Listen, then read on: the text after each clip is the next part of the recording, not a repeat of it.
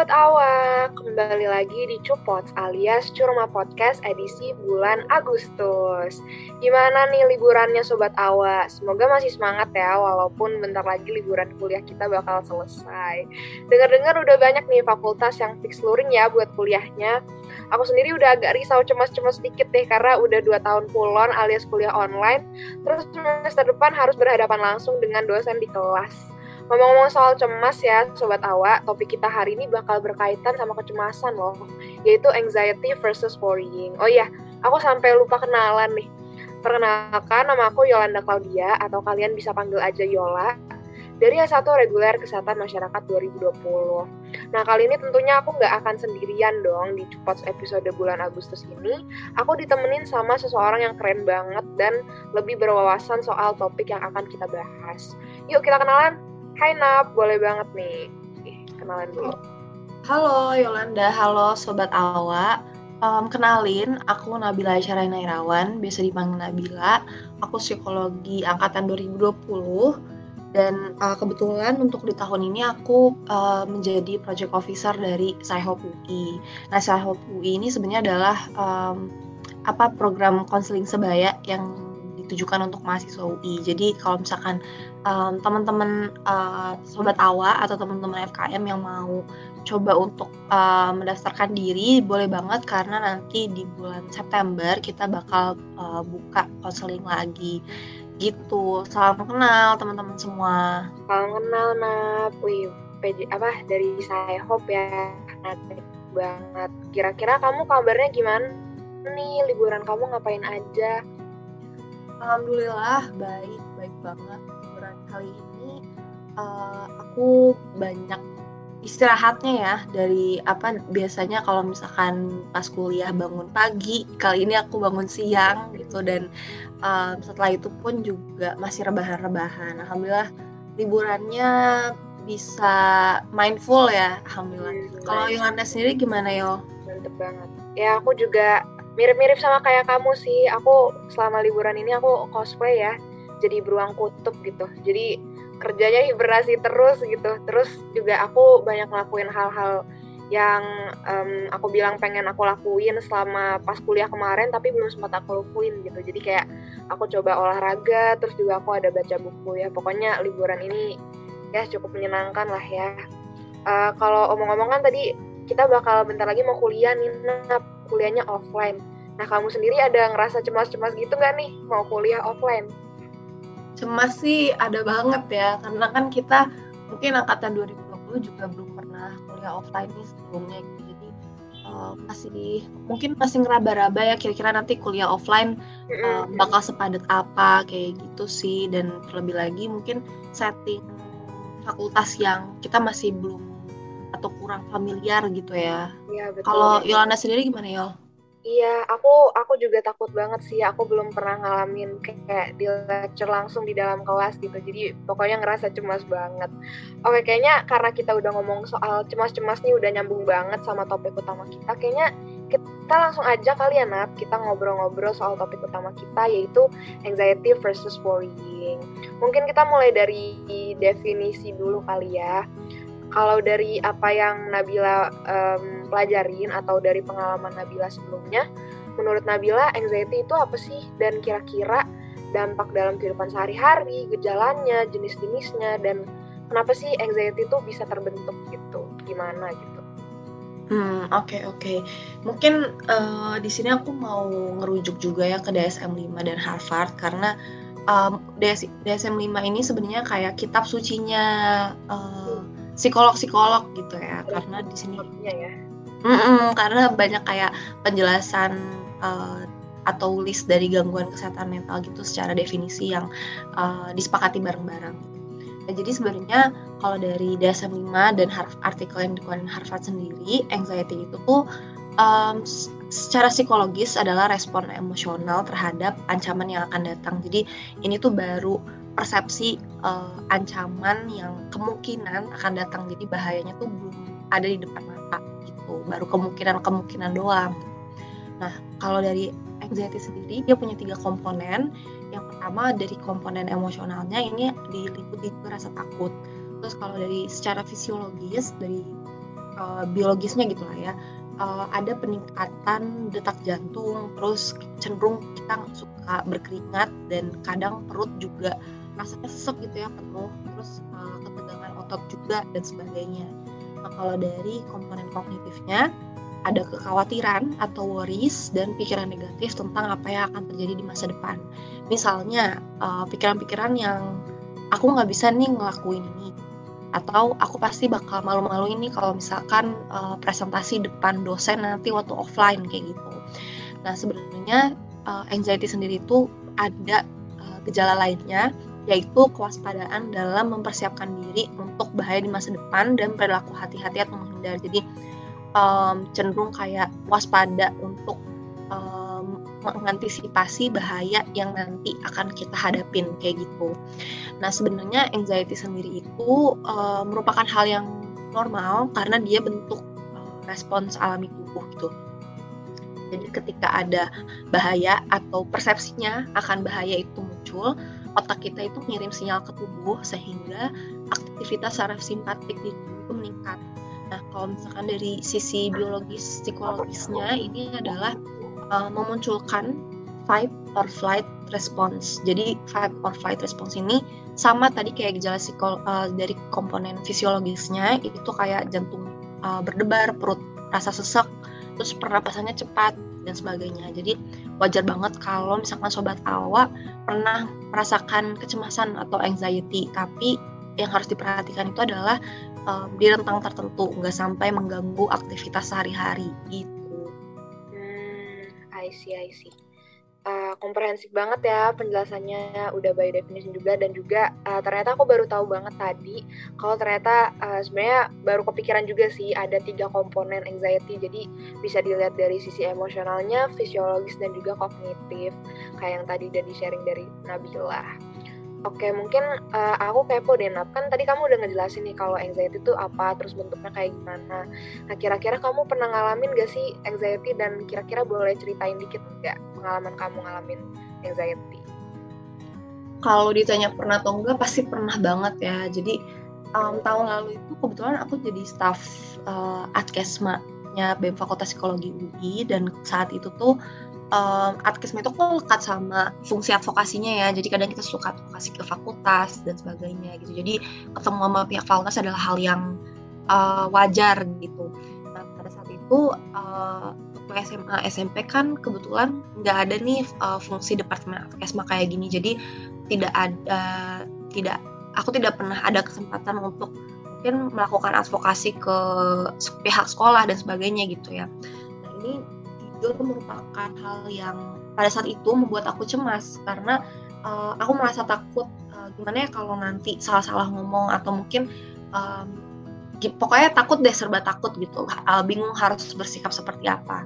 Nah tapi uh, ternyata setelah menghadiri sesi advokasi itu ngelihat BPH aku menyampaikan sejumlah isu yang dialami mahasiswa psikologi itu menjadi um, tanda kutip penenang bagi aku. Aku jadi bisa ngelihat kayak oh ternyata advokasi yang baik dan benar tuh kayak gini ya ke pihak fakultas gitu. Dan uh, next selanjutnya ketika aku mau mengadvokasikan isu ke pihak dekanat fakultas psikologi UI di awal tahun ini itu uh, tidak menjadi suatu hal yang besar bagi aku pribadi gitu. Karena aku udah punya pengalaman sebelumnya gitu advokasi ke pihak pihak fakultas kayak gitu sih yo See, I.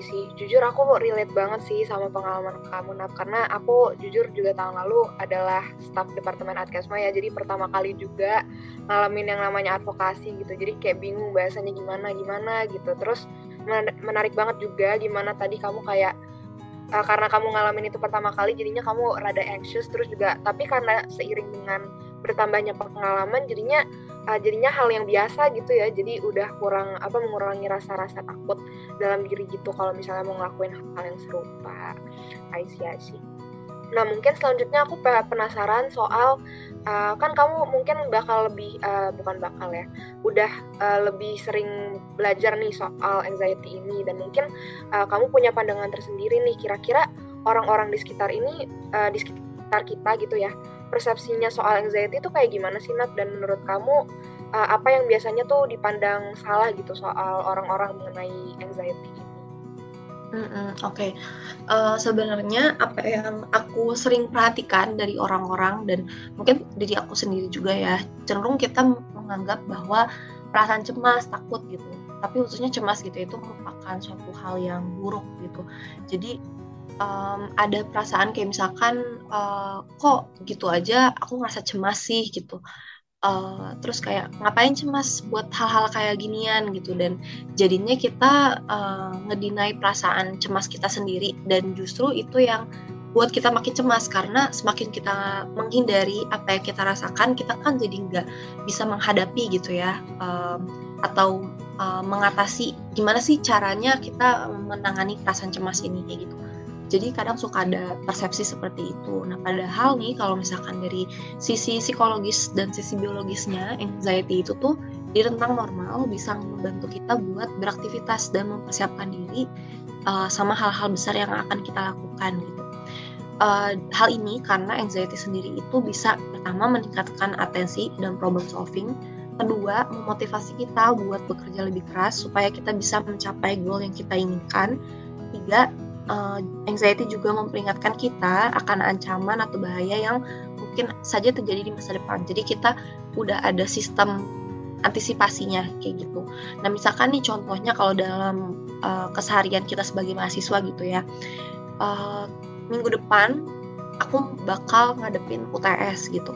Nah karena aku cemas sama nilai aku, aku khawatir gimana ya kalau misalkan nanti nggak bisa mengerjakan uh, eh, UTS-nya dengan baik, terus nilainya jadi turun, terus IPK-nya jadi jelek dan sebagainya gitu.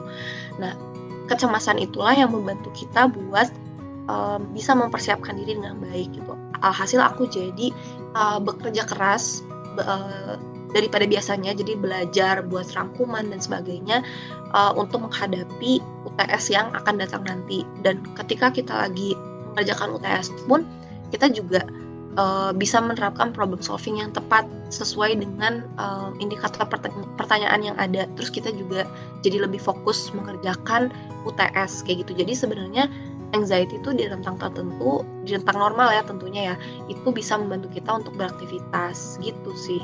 Hmm, I see, I see. Jadi emang uh, dalam spektrum tertentu ya anxiety itu justru menjadi hal yang positif gitu karena ngebantu kita buat fokus bantu kita buat uh, ngemotivate kita buat ngelakuin hal-hal tertentu gitu ya. I see. Aku juga merasa tersinggung banget sih tadi. Bukan bukan tersinggung gimana gitu ya. Maksudnya kayak aku merasa aku juga terluruskan perspektif perspektifnya gitu. Karena aku juga pribadi uh, mandangnya tuh dulu kalau misalnya aku ngerasa anxious tuh bawaannya pengen eh ngapain sih aku ngerasa kayak gini? Atau kayak lu nggak suka deh ngerasa kayak gini gitu. Jadi uh, bukannya malah kayak um, jadi aku mandang itu sesuatu yang sebagai sesuatu yang buruk gitu dan aku nggak pengen ngerasain hal itu padahal anxiety itu nggak selamanya buruk I see, I see. Oke, okay, um, mungkin aku penasaran ini juga sih, Nap. Kan tadi kita ada nyinggung soal rasa cemas, soal anxiety, soal worrying gitu ya. Kira-kira anxiety dan worrying ini, ini adalah dua hal yang berbeda nggak sih? Dan kira-kira um, gimana caranya ngebedain, emang gimana caranya ngebedainnya kalau memang ini dua hal yang berbeda gitu? Hmm, oke okay, oke. Okay.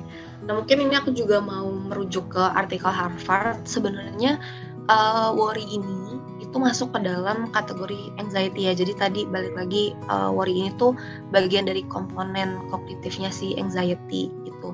Nah tapi sebenarnya kalau menurut aku sendiri dibandingkan uh, membedakan antara si anxiety dan worry ini mungkin lebih penting ya bagi sobat awak buat mengidentifikasi apakah kecemasan atau anxiety yang kita punya itu udah masuk dalam kategori berlebih atau kalau dalam apa namanya gangguan uh, psikologisnya ini adalah anxiety disorder.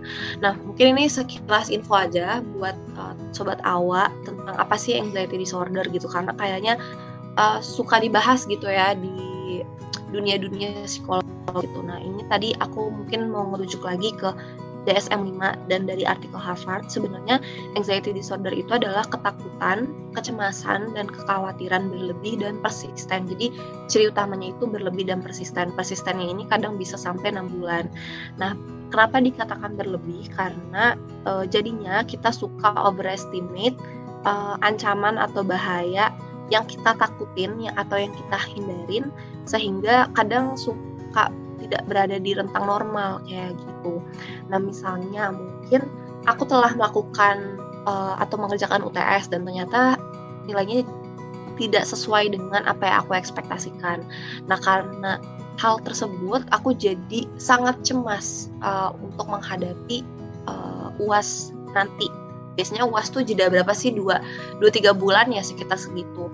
Nah tapi um, cemasnya ini adalah sampai di titik aku nggak bisa ngapa-ngapain lagi selain mikirin gimana ya nanti uas nih? Aduh IPK nanti jelek nih kalau misalkan uas nggak uh, nyiapin dengan baik kayak gitu. Nah itu yang bisa dibilang cenderung overestimate uh, bahaya atau ancaman yang kita takutin kayak gitu. Nah, kalau misalkan sobat awa udah ngerasain gejala-gejala tadi dan ngerasain distress atau kesulitan buat berkegiatan seperti biasanya, coba untuk mulai cari bantuan ke tenaga profesional kayak gitu. Tapi uh, balik lagi jangan sampai untuk self diagnose gitu karena estimasi seperti ini tuh biasanya ditentukan oleh psikolog gitu. Hmm, I see. Berarti ternyata worrying itu bukan hal yang berbeda ya, bukan hal yang terpisah dari anxiety. Justru worrying itu adalah salah satu komponen dari anxiety dan yang harus kita tahu itu adalah apakah worrying kita ini udah sampai ke level di mana udah termasuk anxiety disorder gitu ya. I see, I see, I see. Oke deh, thank you banget Nap atas uh, insight-nya. Mungkin aku selanjutnya pengen bacain sharing dari Sobat Awan nih. Jadi ada uh, beberapa hari yang lalu udah di-share di media sosialnya BEM FKM UI soal bata nyata atau sobat awa punya cerita. Jadi uh, kita buka kesempatan buat teman-teman sobat awa yang pengen sharing juga soal uh, pengalaman mereka di podcast uh, Cuma ini. Jadi bakal aku bacain buat teman-teman yang belum berkesempatan untuk submit cerita atau sharingnya, jangan uh, sedih karena masih ada kesempatan berikutnya. Uh, pantengin terus uh, buat data nyata di media sosialnya BMIM FKM UI. Nah mungkin ini aku uh, izin bacain cerita yang pertama ya uh, dari Sobat Awa. Hai Awa, sebelumnya terima kasih banyak ya sudah bersedia menerima ceritaku. Jadi udah lama aku tuh selalu overthinking atau terlalu khawatir akan atas banyak hal. Awalnya aku biasa aja, tapi makin lama bikin aku jadi terhambat buat ngelakuin sesuatu. Yang buat aku gampang overthinking adalah pikiran orang lain. Bisa karena respon mereka, perilaku, termasuk bahasa tubuh, atau bahkan sekedar tatapan. Aku takut kalau mereka benci atau nggak suka sama aku, meskipun udah banyak orang yang selalu nasihatin yang kamu pikirin tuh belum tentu terjadi. Tapi tetap aja dari dulu sampai sekarang overthinking itu nggak bisa aku kurangin. Hal ini jujur bikin aku gelisah banget, bikin gak fokus belajar, gak bisa tidur, dan gak mood ngelakuin apa pun. Makanya gara-gara itu banyak temanku yang suka sungkan ngasih tahu hal ke aku karena takut aku kepikiran. Justru sejujurnya aku agak sedih, tapi di sisi lain kadang itu membuat aku tenang juga. Mungkin ada itu saja yang bisa aku ceritain tentang kecemasanku. Makasih banyak awal, maaf jika ada salah kata. Wah ini termasuk hal yang sering dialamin di kehidupan sehari-hari ya. Aku pribadi juga sering banget sih ngalamin overthinking karena persepsi orang lain. Nah mungkin kalau dari Nabila tanggapan kamu gimana Nab? Ya sebenarnya ini kayak uh, jujur aku cukup relate ya karena kadang ada masa-masa juga di mana yang misalkan kita lagi uh, aku pribadi lagi ngobrol sama teman-temanku tiba-tiba uh, dia nggak nggak mendengarkan aja gitu dengan uh, atentif gitu. Dan di situ aku langsung kayak ini kenapa ya aku nggak ngedengerin apakah kurang suka untuk aku cerita-cerita seperti ini kayak gitu. Nah uh, mungkin untuk mengatasinya kali ya kalau misalkan dari aku sendiri um, kita bisa sebenarnya bisa untuk coba konfirmasi ke uh, teman kita tentang uh, hal yang mungkin kita rasa takutkan uh, mereka nggak suka. Misalkan aku uh, suka ngomongin tentang pengalaman aku selama ngebem gitu. Kan itu kadang aku suka cerita ke temen. Kayak eh kemarin uh, aku ngebem abis kunjungan lo gini gini gini gini gitu. Dan mungkin itu adalah suatu hal yang uh, cukup membosankan bagi temanku sehingga uh, aku sebenarnya dan dia jadi nggak atentif gitu ya.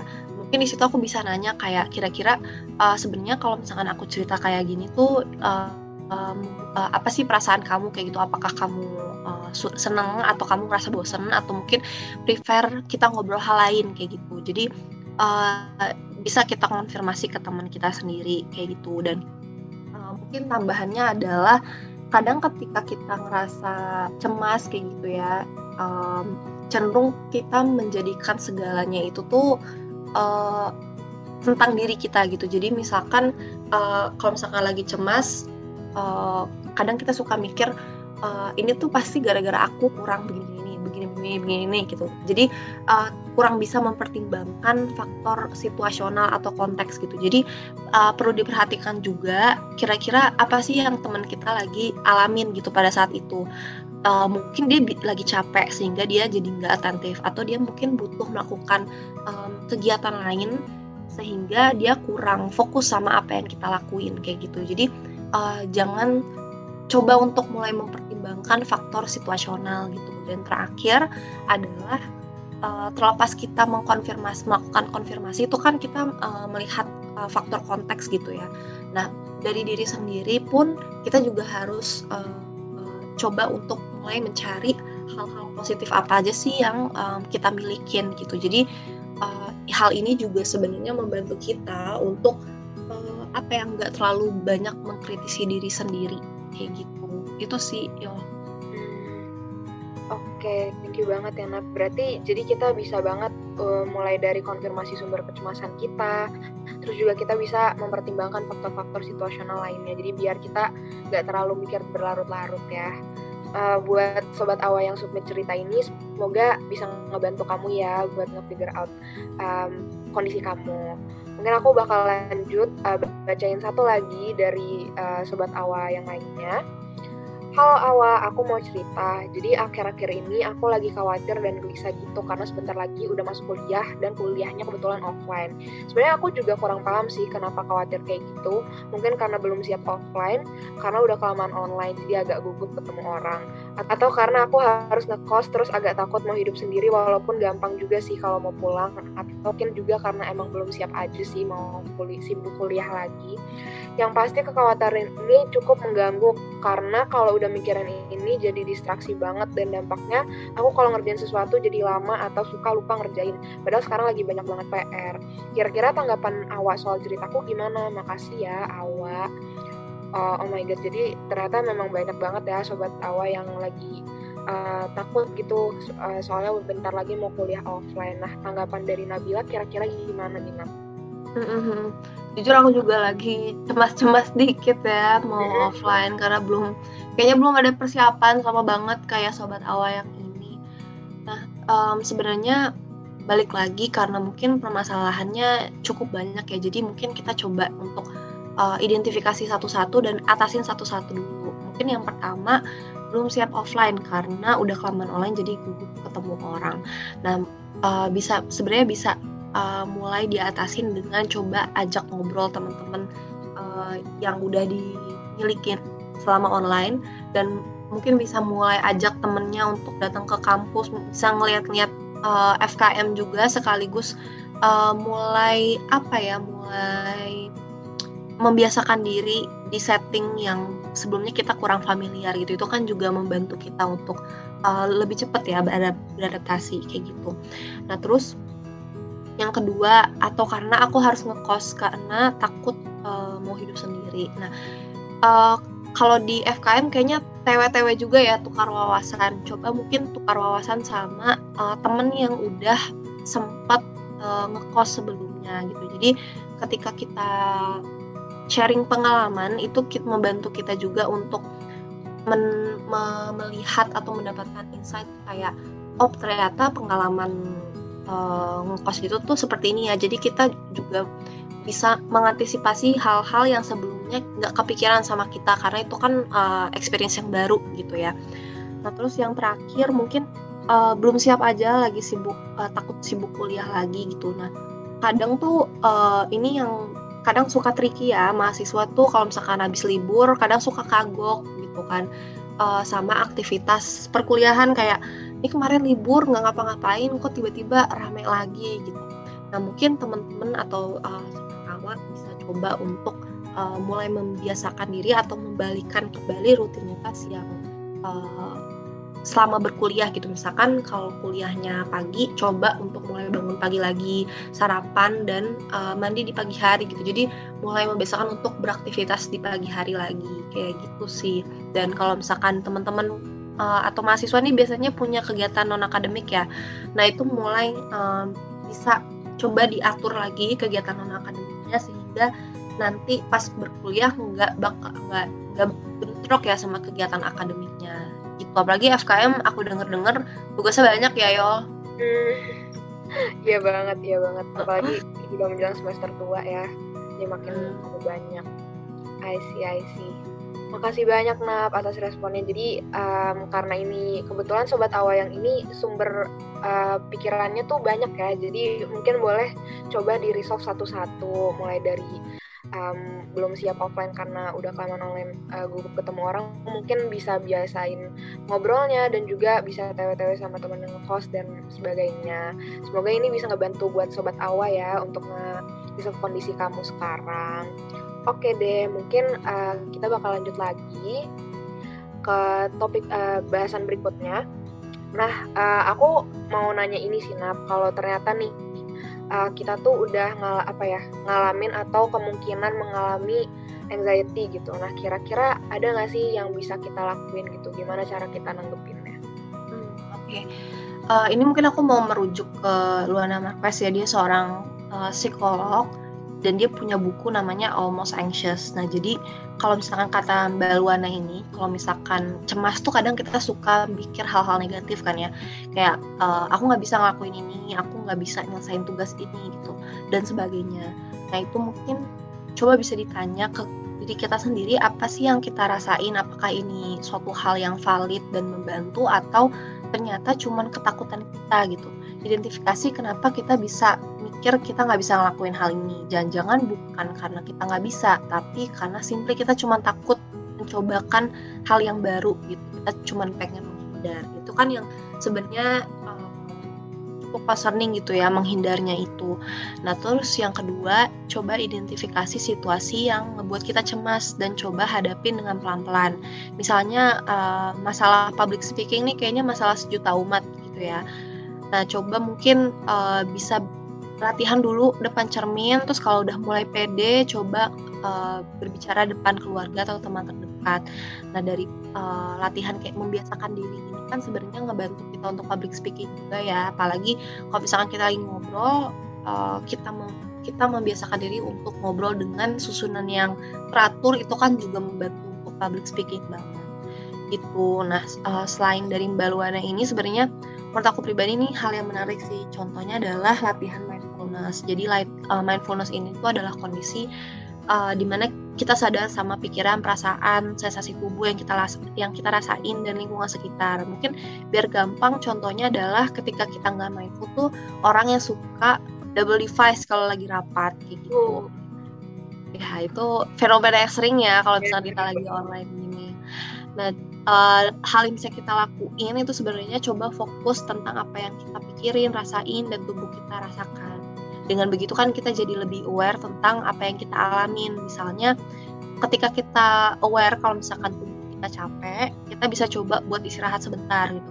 Karena dengan ngambil jeda dari uh, situasi yang membuat kita stres itu sangat membantu kita untuk beraktivitas lagi ke depannya. Misalkan kalau um, kelamaan duduk itu kan uh, capek ya alhasil ketika kita mau ngelakuin hal-hal lain kita jadi nggak jadi terhambat gitu jadi susah. Nah itu yang uh, bisa dilakuin sebenarnya. Dan ini adalah hal yang aku suka lakuin juga adalah atur pernapasan. Jadi uh, ada teknik pernapasan 478 jadi 4 detik menarik napas 7 detik menahan napas dan 8 detik menghembuskan napas nah dengan begitu otak tuh bisa dapat oksigen yang dibutuhin sehingga kita bisa lebih fokus dan tenang itu kalau misalkan cara mengatasi anxiety kali ya my god, thank you banget Map. Jadi ternyata banyak banget ya yang bisa kita lakuin kalau misalnya kita pengen ngadepin perasaan anxious kita gitu. Mulai dari uh, nanya diri sendiri, terus juga identifikasi uh, sumber kecemasan kita, latihan mindfulness dan juga atur pernapasan.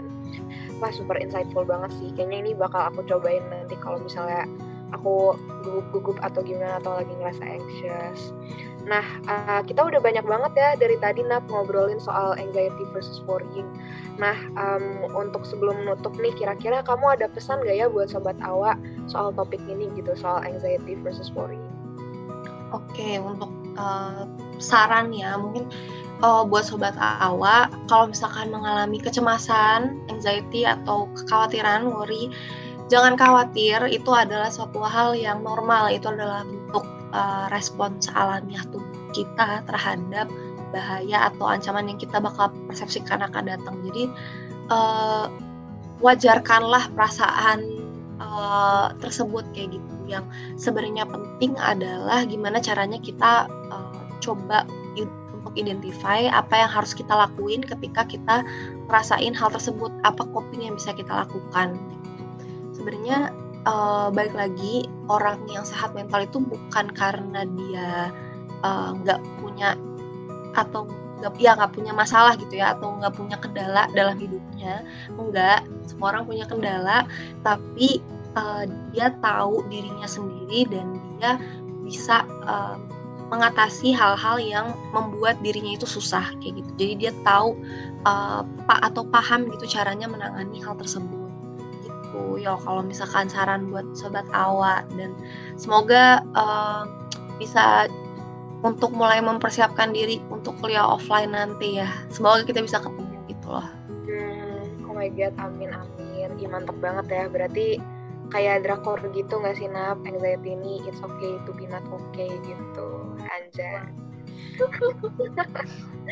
ya, yeah, oh my god, thank you banget Nap. Nah, mungkin uh, kita udah bahas banyak banget nih. Aku izin ngebacain beberapa poin-poin atau kesimpulan yang uh, udah disebutin sama Nabila tadi. Mulai dari definisi anxiety, kalau anxiety itu adalah respon emosional terhadap ancaman yang datang. Mirip rasa takut, tapi ini lebih ke dipersepsikan akan datang dan juga ada tiga komponen, yaitu emosional, fisiologis, dan juga kognitif.